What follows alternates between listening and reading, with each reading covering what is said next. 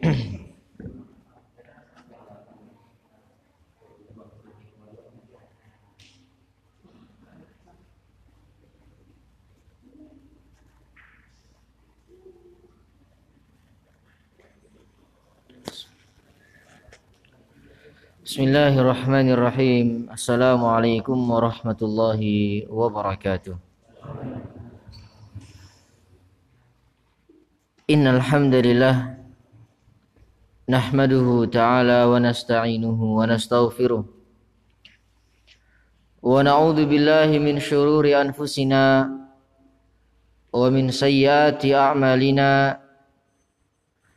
من يهده الله فلا مضل له ومن يضلله فلا هادي له أشهد أن لا إله إلا الله وحده لا شريك له وأشهد أن محمدا عبده ورسوله أما بعد أخواني في الدين أعزكم الله جميعا الحمد لله Marilah kita selalu bersyukur kepada Allah Azza wa Jal atas berbagai kenikmatan yang telah Allah Subhanahu wa taala berikan kepada kita. Nikmat hidayah, nikmat kesehatan, nikmat waktu luang di mana dengan semua nikmat ini seorang hamba bisa beribadah kepada Allah Subhanahu wa taala dengan lapang dan tenang. Dan tanpa adanya nikmat-nikmat tersebut seorang hamba sulit untuk beribadah kepada Allah Subhanahu wa taala. Ikhwani fi din azakumullah jami'an. Alafu minkum. Mohon maaf yang sebesar-besarnya karena kitabnya tertinggal yang semula kita akan membaca kitab Taharah kita bersuci Fa insyaallah kita akan lanjutkan pembahasan kita pada kitab Salasatil Usul yakni tiga landasan pokok yang wajib diketahui oleh setiap muslim dan juga muslimatin. Pada pembahasan yang telah berlalu kita telah menyebutkan tentang apa saja yang wajib untuk diketahui setiap muslim. Yang pertama adalah ala ilmu. Ilmu di sini ialah mencakup pengenalan seorang hamba terhadap Allah Azza wa Jal. Kemudian pengenalan seorang hamba kepada Nabi alaihi salatu wassalam dan yang berikutnya ialah pengenalan seorang hamba terhadap agamanya. Pada pertemuan yang telah lalu kita sampai pada bagaimana seorang hamba mengenal Nabi alaihi salatu wassalam. Kemudian kita akan melanjutkan pada poin yang berikutnya yakni seorang hamba mengenal agama Islam bil adillah ma'rifatu dinil Islam bil adillah. Seseorang mengenal agama Islam disertai dengan dalil-dalilnya. Dan poin ini barakallahu fikum adalah sebuah poin yang sangat pokok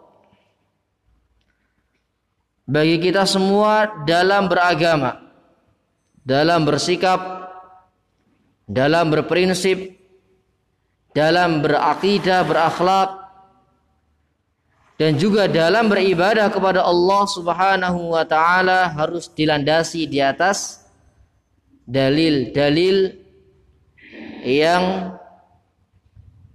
bersumber dari Al-Quran dan juga dari sunnah-sunnah Rasulullah Sallallahu Alaihi Wasallam. Apa yang datang padanya dalil kepada kita semuanya maka wajib untuk kita semua mengikutinya tanpa adanya bentuk penentangan tanpa adanya bentuk pertanyaan pertanyaan kenapa dan kenapa tanpa adanya bentuk-bentuk pengingkaran maka prinsip seorang muslim dan mukmin ialah senantiasa menerima dalil dan beragama dibangun di atas dalil-dalil Al-Quran dan juga sunnah-sunnah Rasulullah Sallallahu Alaihi Wasallam.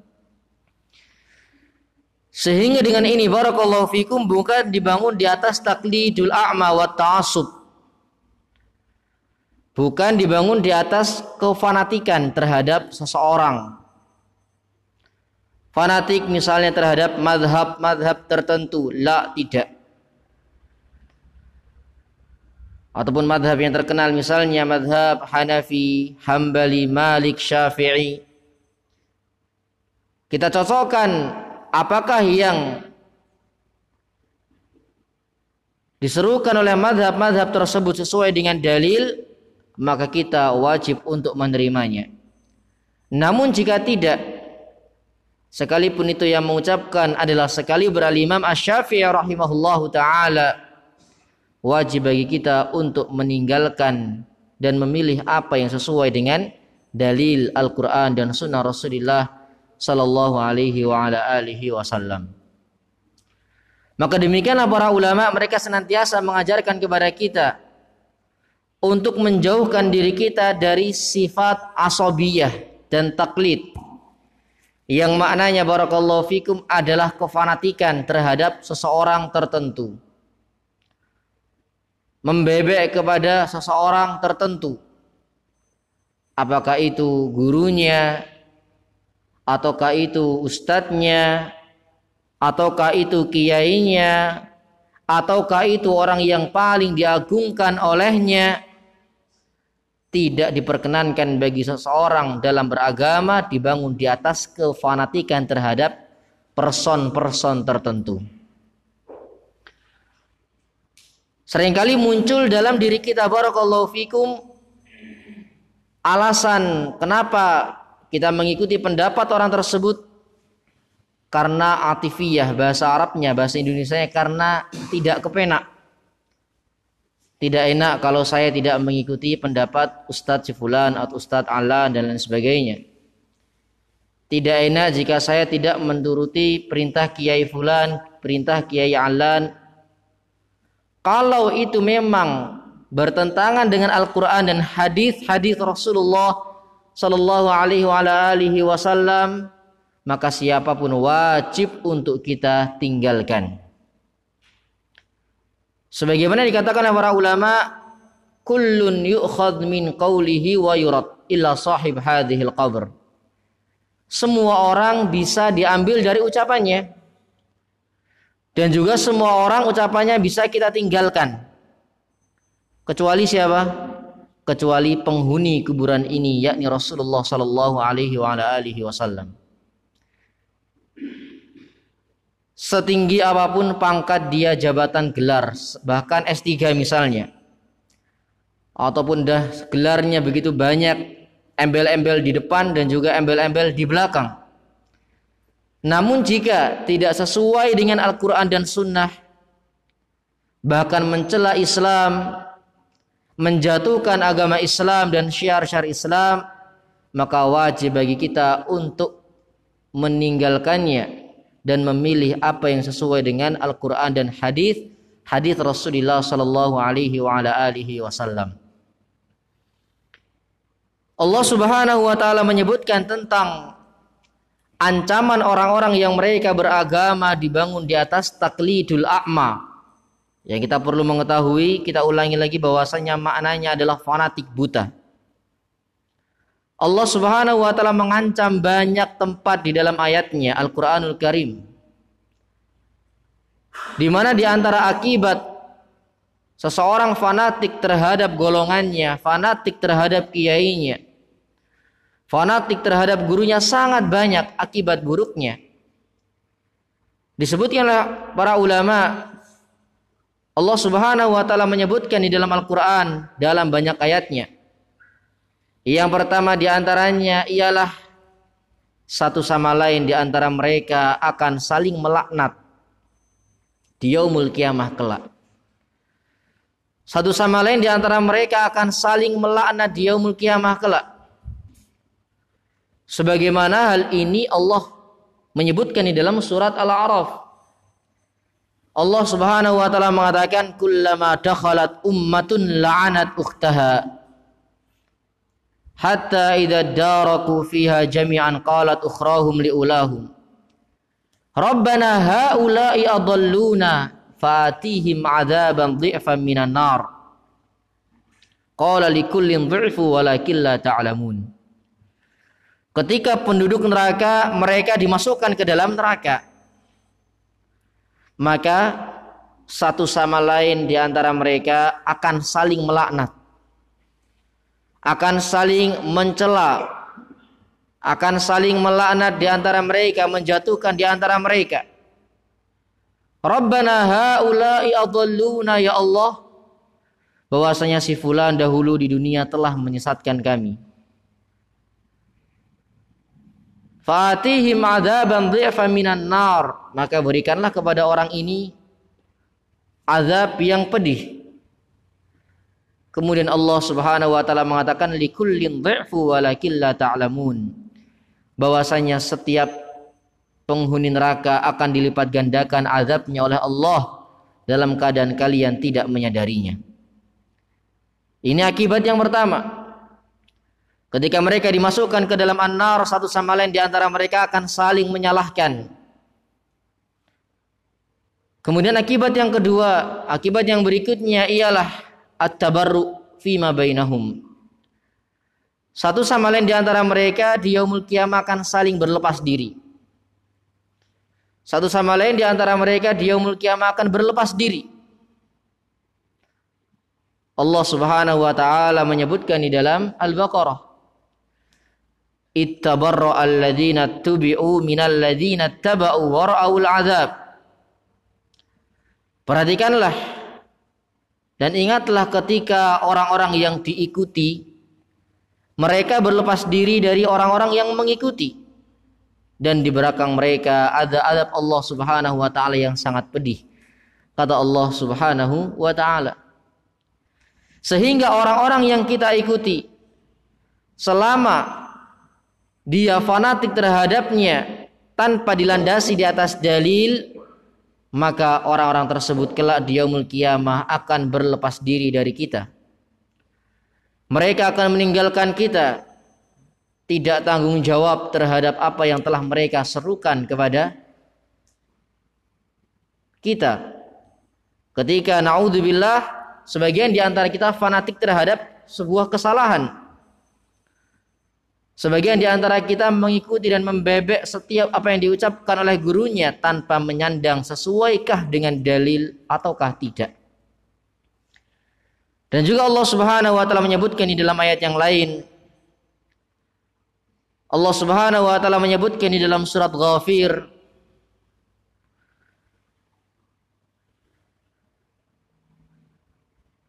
Fahal antum mughnuna anna min adzabillahi min syai' Ingatlah kata Allah Subhanahu wa taala bahwasanya orang-orang yang mengikuti akan berkata kepada orang-orang yang diikuti.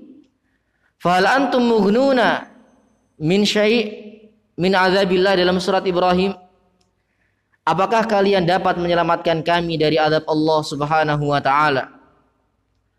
Apakah kalian dapat menyelamatkan kami dari azab Allah Subhanahu wa taala?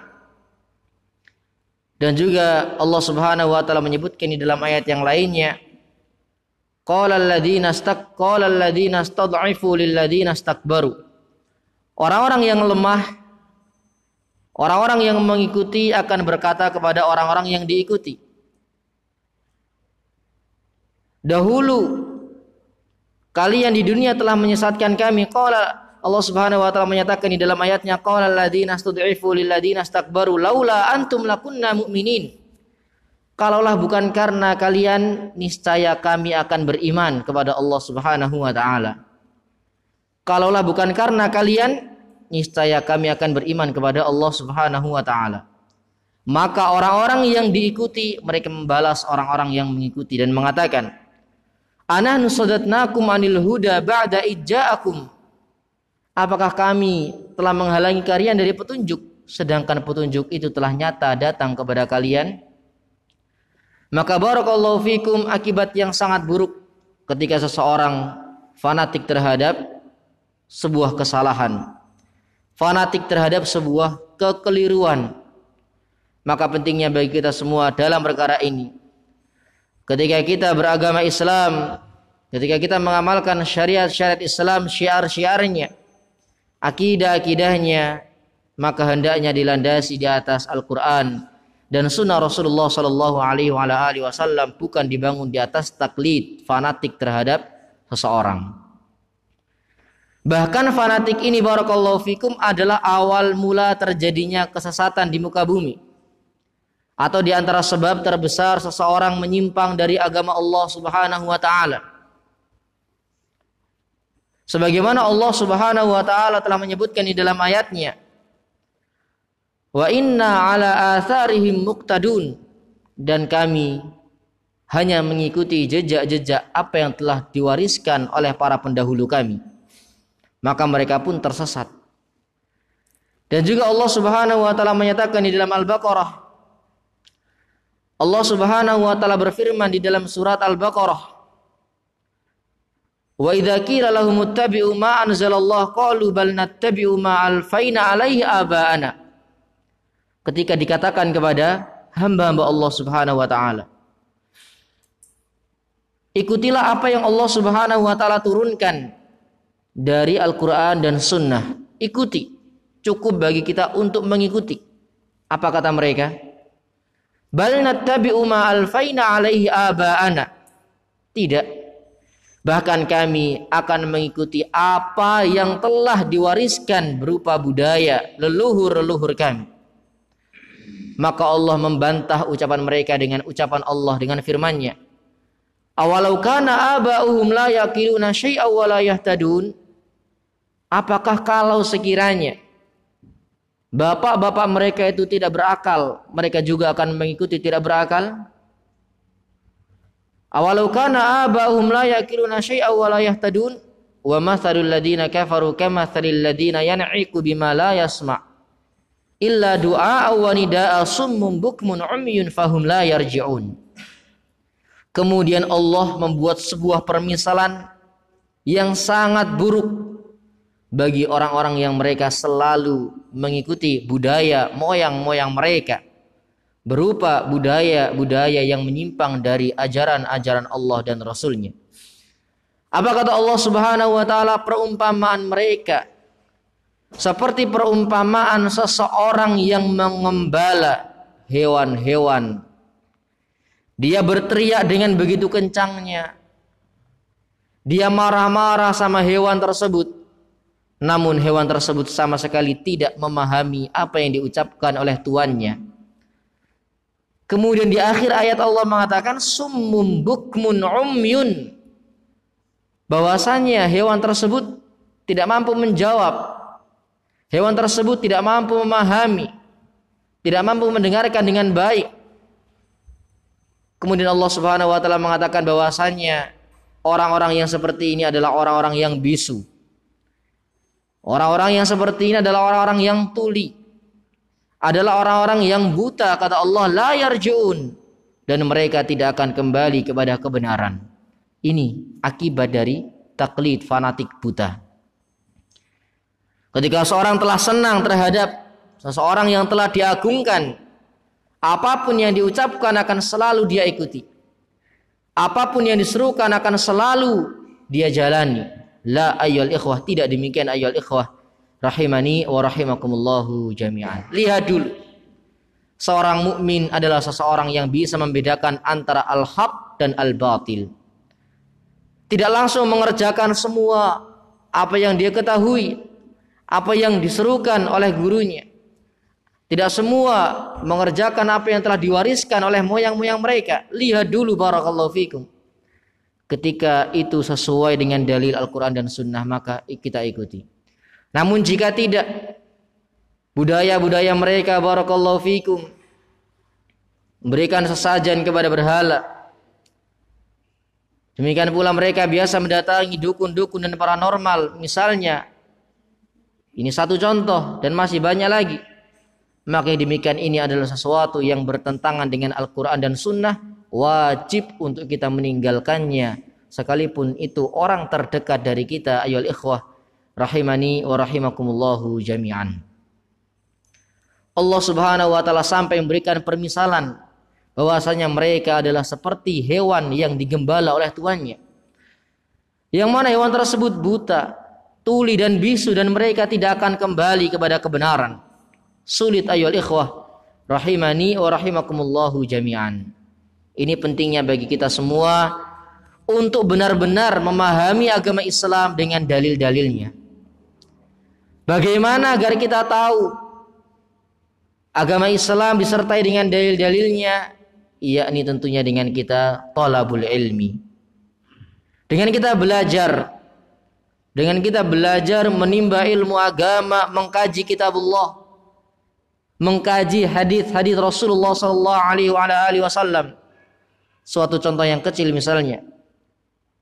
Bagaimana kita tahu tentang kaifiyatus salat, tata cara tata cara salat? Apakah kita mengerjakan salat hanya semata-mata barakallahu fikum mengikuti? Tidak. Untuk menguatkan keyakinan kita, menguatkan landasan dan pedoman kita, kita mengerjakan salat dan juga kita mengetahui tentang dalilnya, yang utama kita mengetahui tentang dalil diwajibkannya salat. Allah Subhanahu wa taala mewajibkan salat sesuai dengan waktu-waktunya. Inna salata kanat 'alal mu'minina kitaban mauquta. Bagaimana seseorang akan bisa salat di masjid? Seorang laki-laki yang mana mereka wajib untuk sholat di masjid sedangkan mereka tidak mengetahui dalil-dalilnya sehingga mereka pun menjauh dari masjid-masjid Allah Subhanahu wa taala. Kalau kita tahu dalilnya tentang kewajiban salatul jamaah di masjid secara lima waktu, maka kita pun akan tergerak hatinya, akan semakin bersemangat karena kita memiliki sebuah landasan pedoman narasumber yang telah kita ketahui dengan sahih, dengan sahih, dengan kuat, sehingga kita semakin termotivasi, kita semakin bersemangat untuk beribadah kepada Allah Subhanahu wa Ta'ala.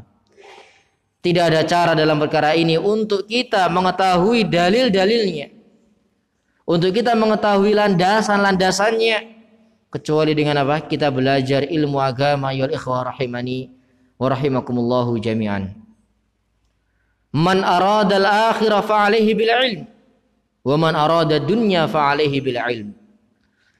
Barang siapa yang dia menginginkan akhirat, maka butuh dengannya, butuh padanya ilmu. Penting bagi dia untuk mengilmui bagaimana wasilah-wasilah, jembatan-jembatan, perantara-perantara yang mengantarkan dia kepada jannahnya Allah Subhanahu wa taala. Demikian pula ketika seorang ingin meraih sebuah kesuksesan di dunia.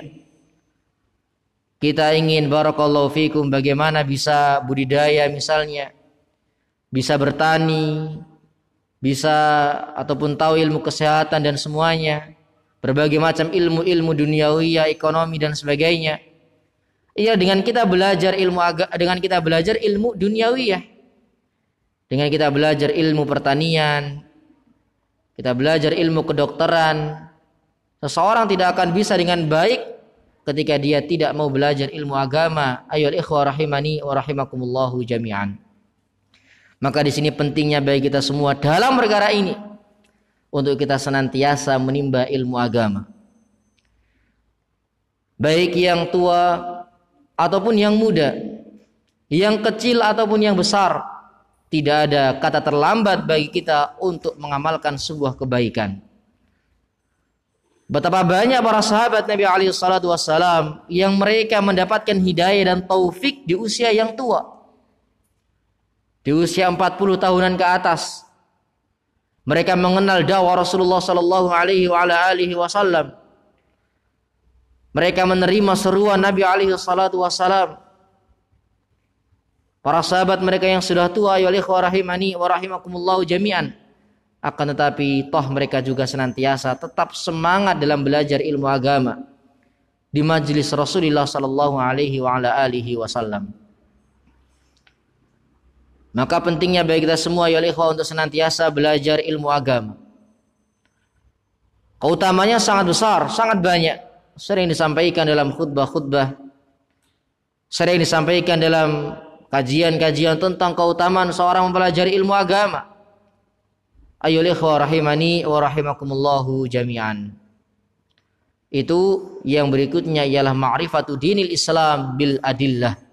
Mengenal agama Islam disertai dengan dalil-dalilnya. Kemudian penulis rahimahullahu taala melanjutkan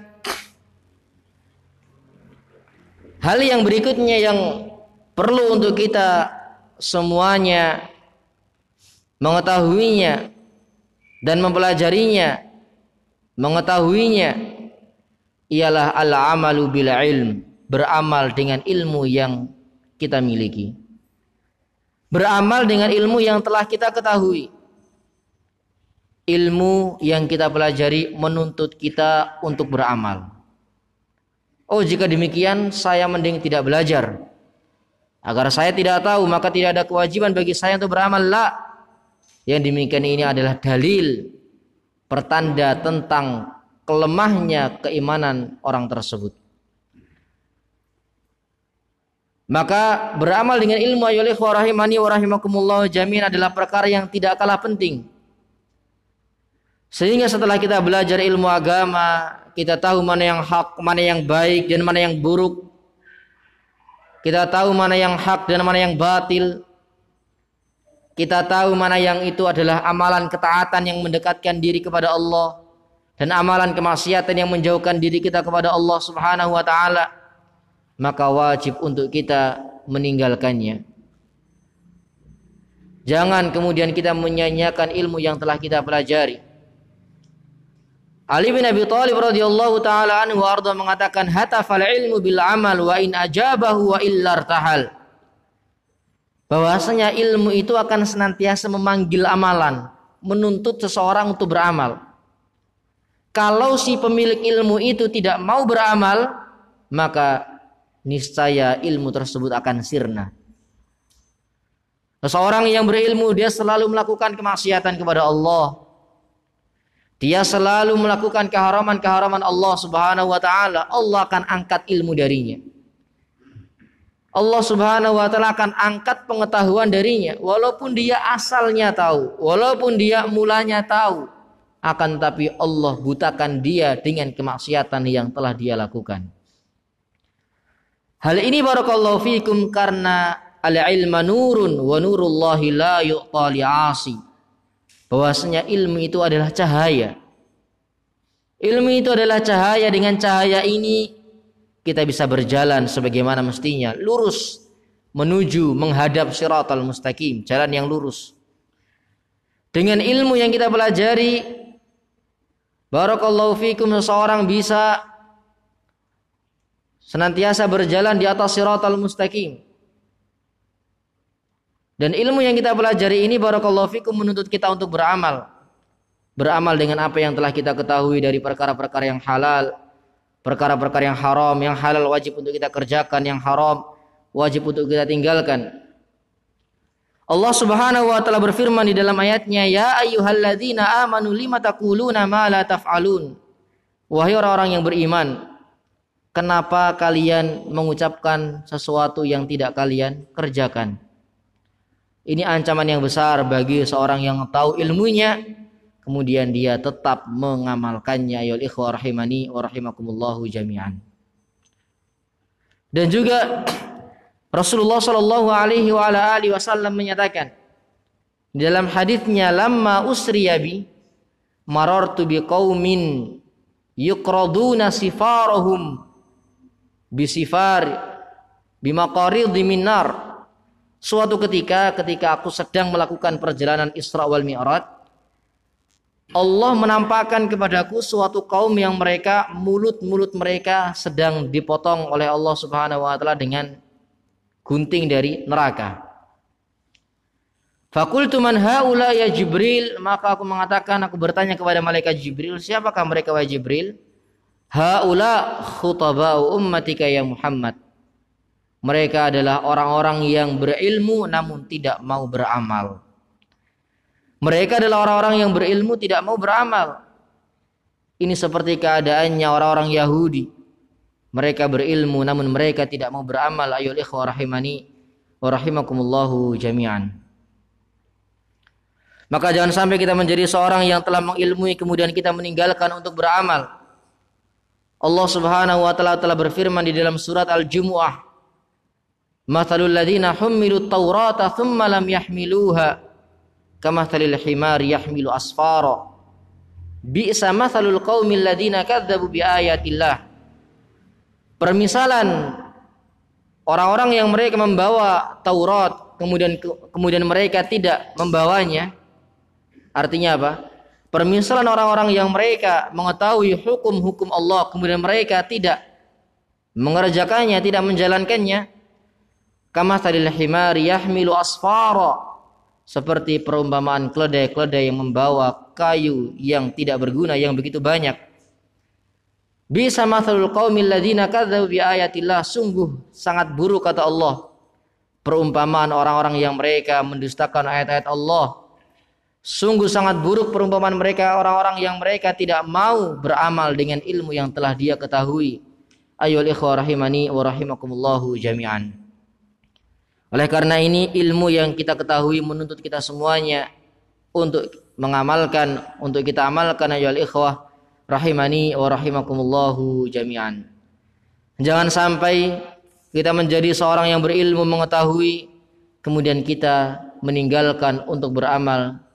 Kemudian kita tetap melakukan kemaksiatan kepada Allah ketika kita mengetahui itu adalah perkara yang haram. Kita mengetahui barakallahu fikum tentang wajibnya salat berjamaah di masjid suatu contoh yang mudahnya saja maka wajib bagi kita untuk senantiasa bersungguh-sungguh. Wajib bagi kita semua untuk senantiasa berupaya mendatangi masjid-masjid Allah Subhanahu wa taala. Wa bi kulli khutwatin tamshiha ila salati sadaqah sebagaimana Nabi alaihi salatu wasallam menyatakan setiap langkah yang kamu langkahkan menuju masjid ini tercatat sedekah dalam riwayat yang lain turfa Allahu biha darajah. Dalam riwayat yang lain setiap langkah yang kita langkahkan ke masjid diangkat satu derajat.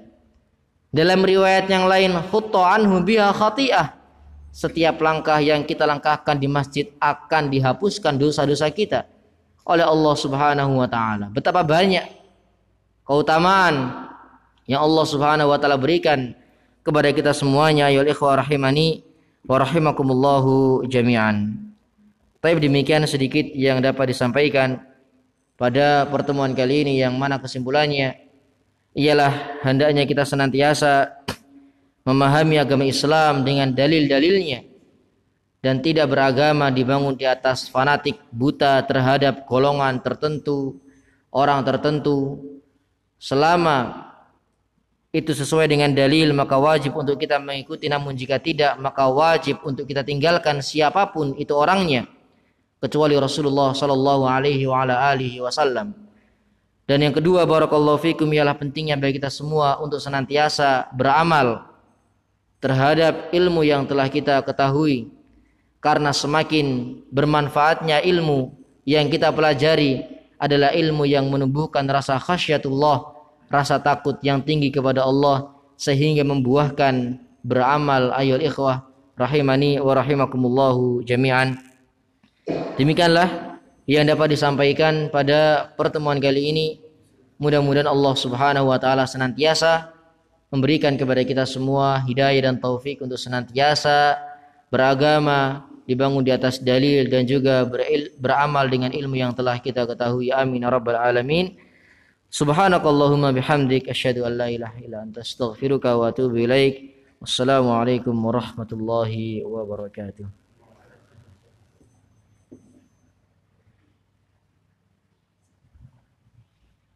Thank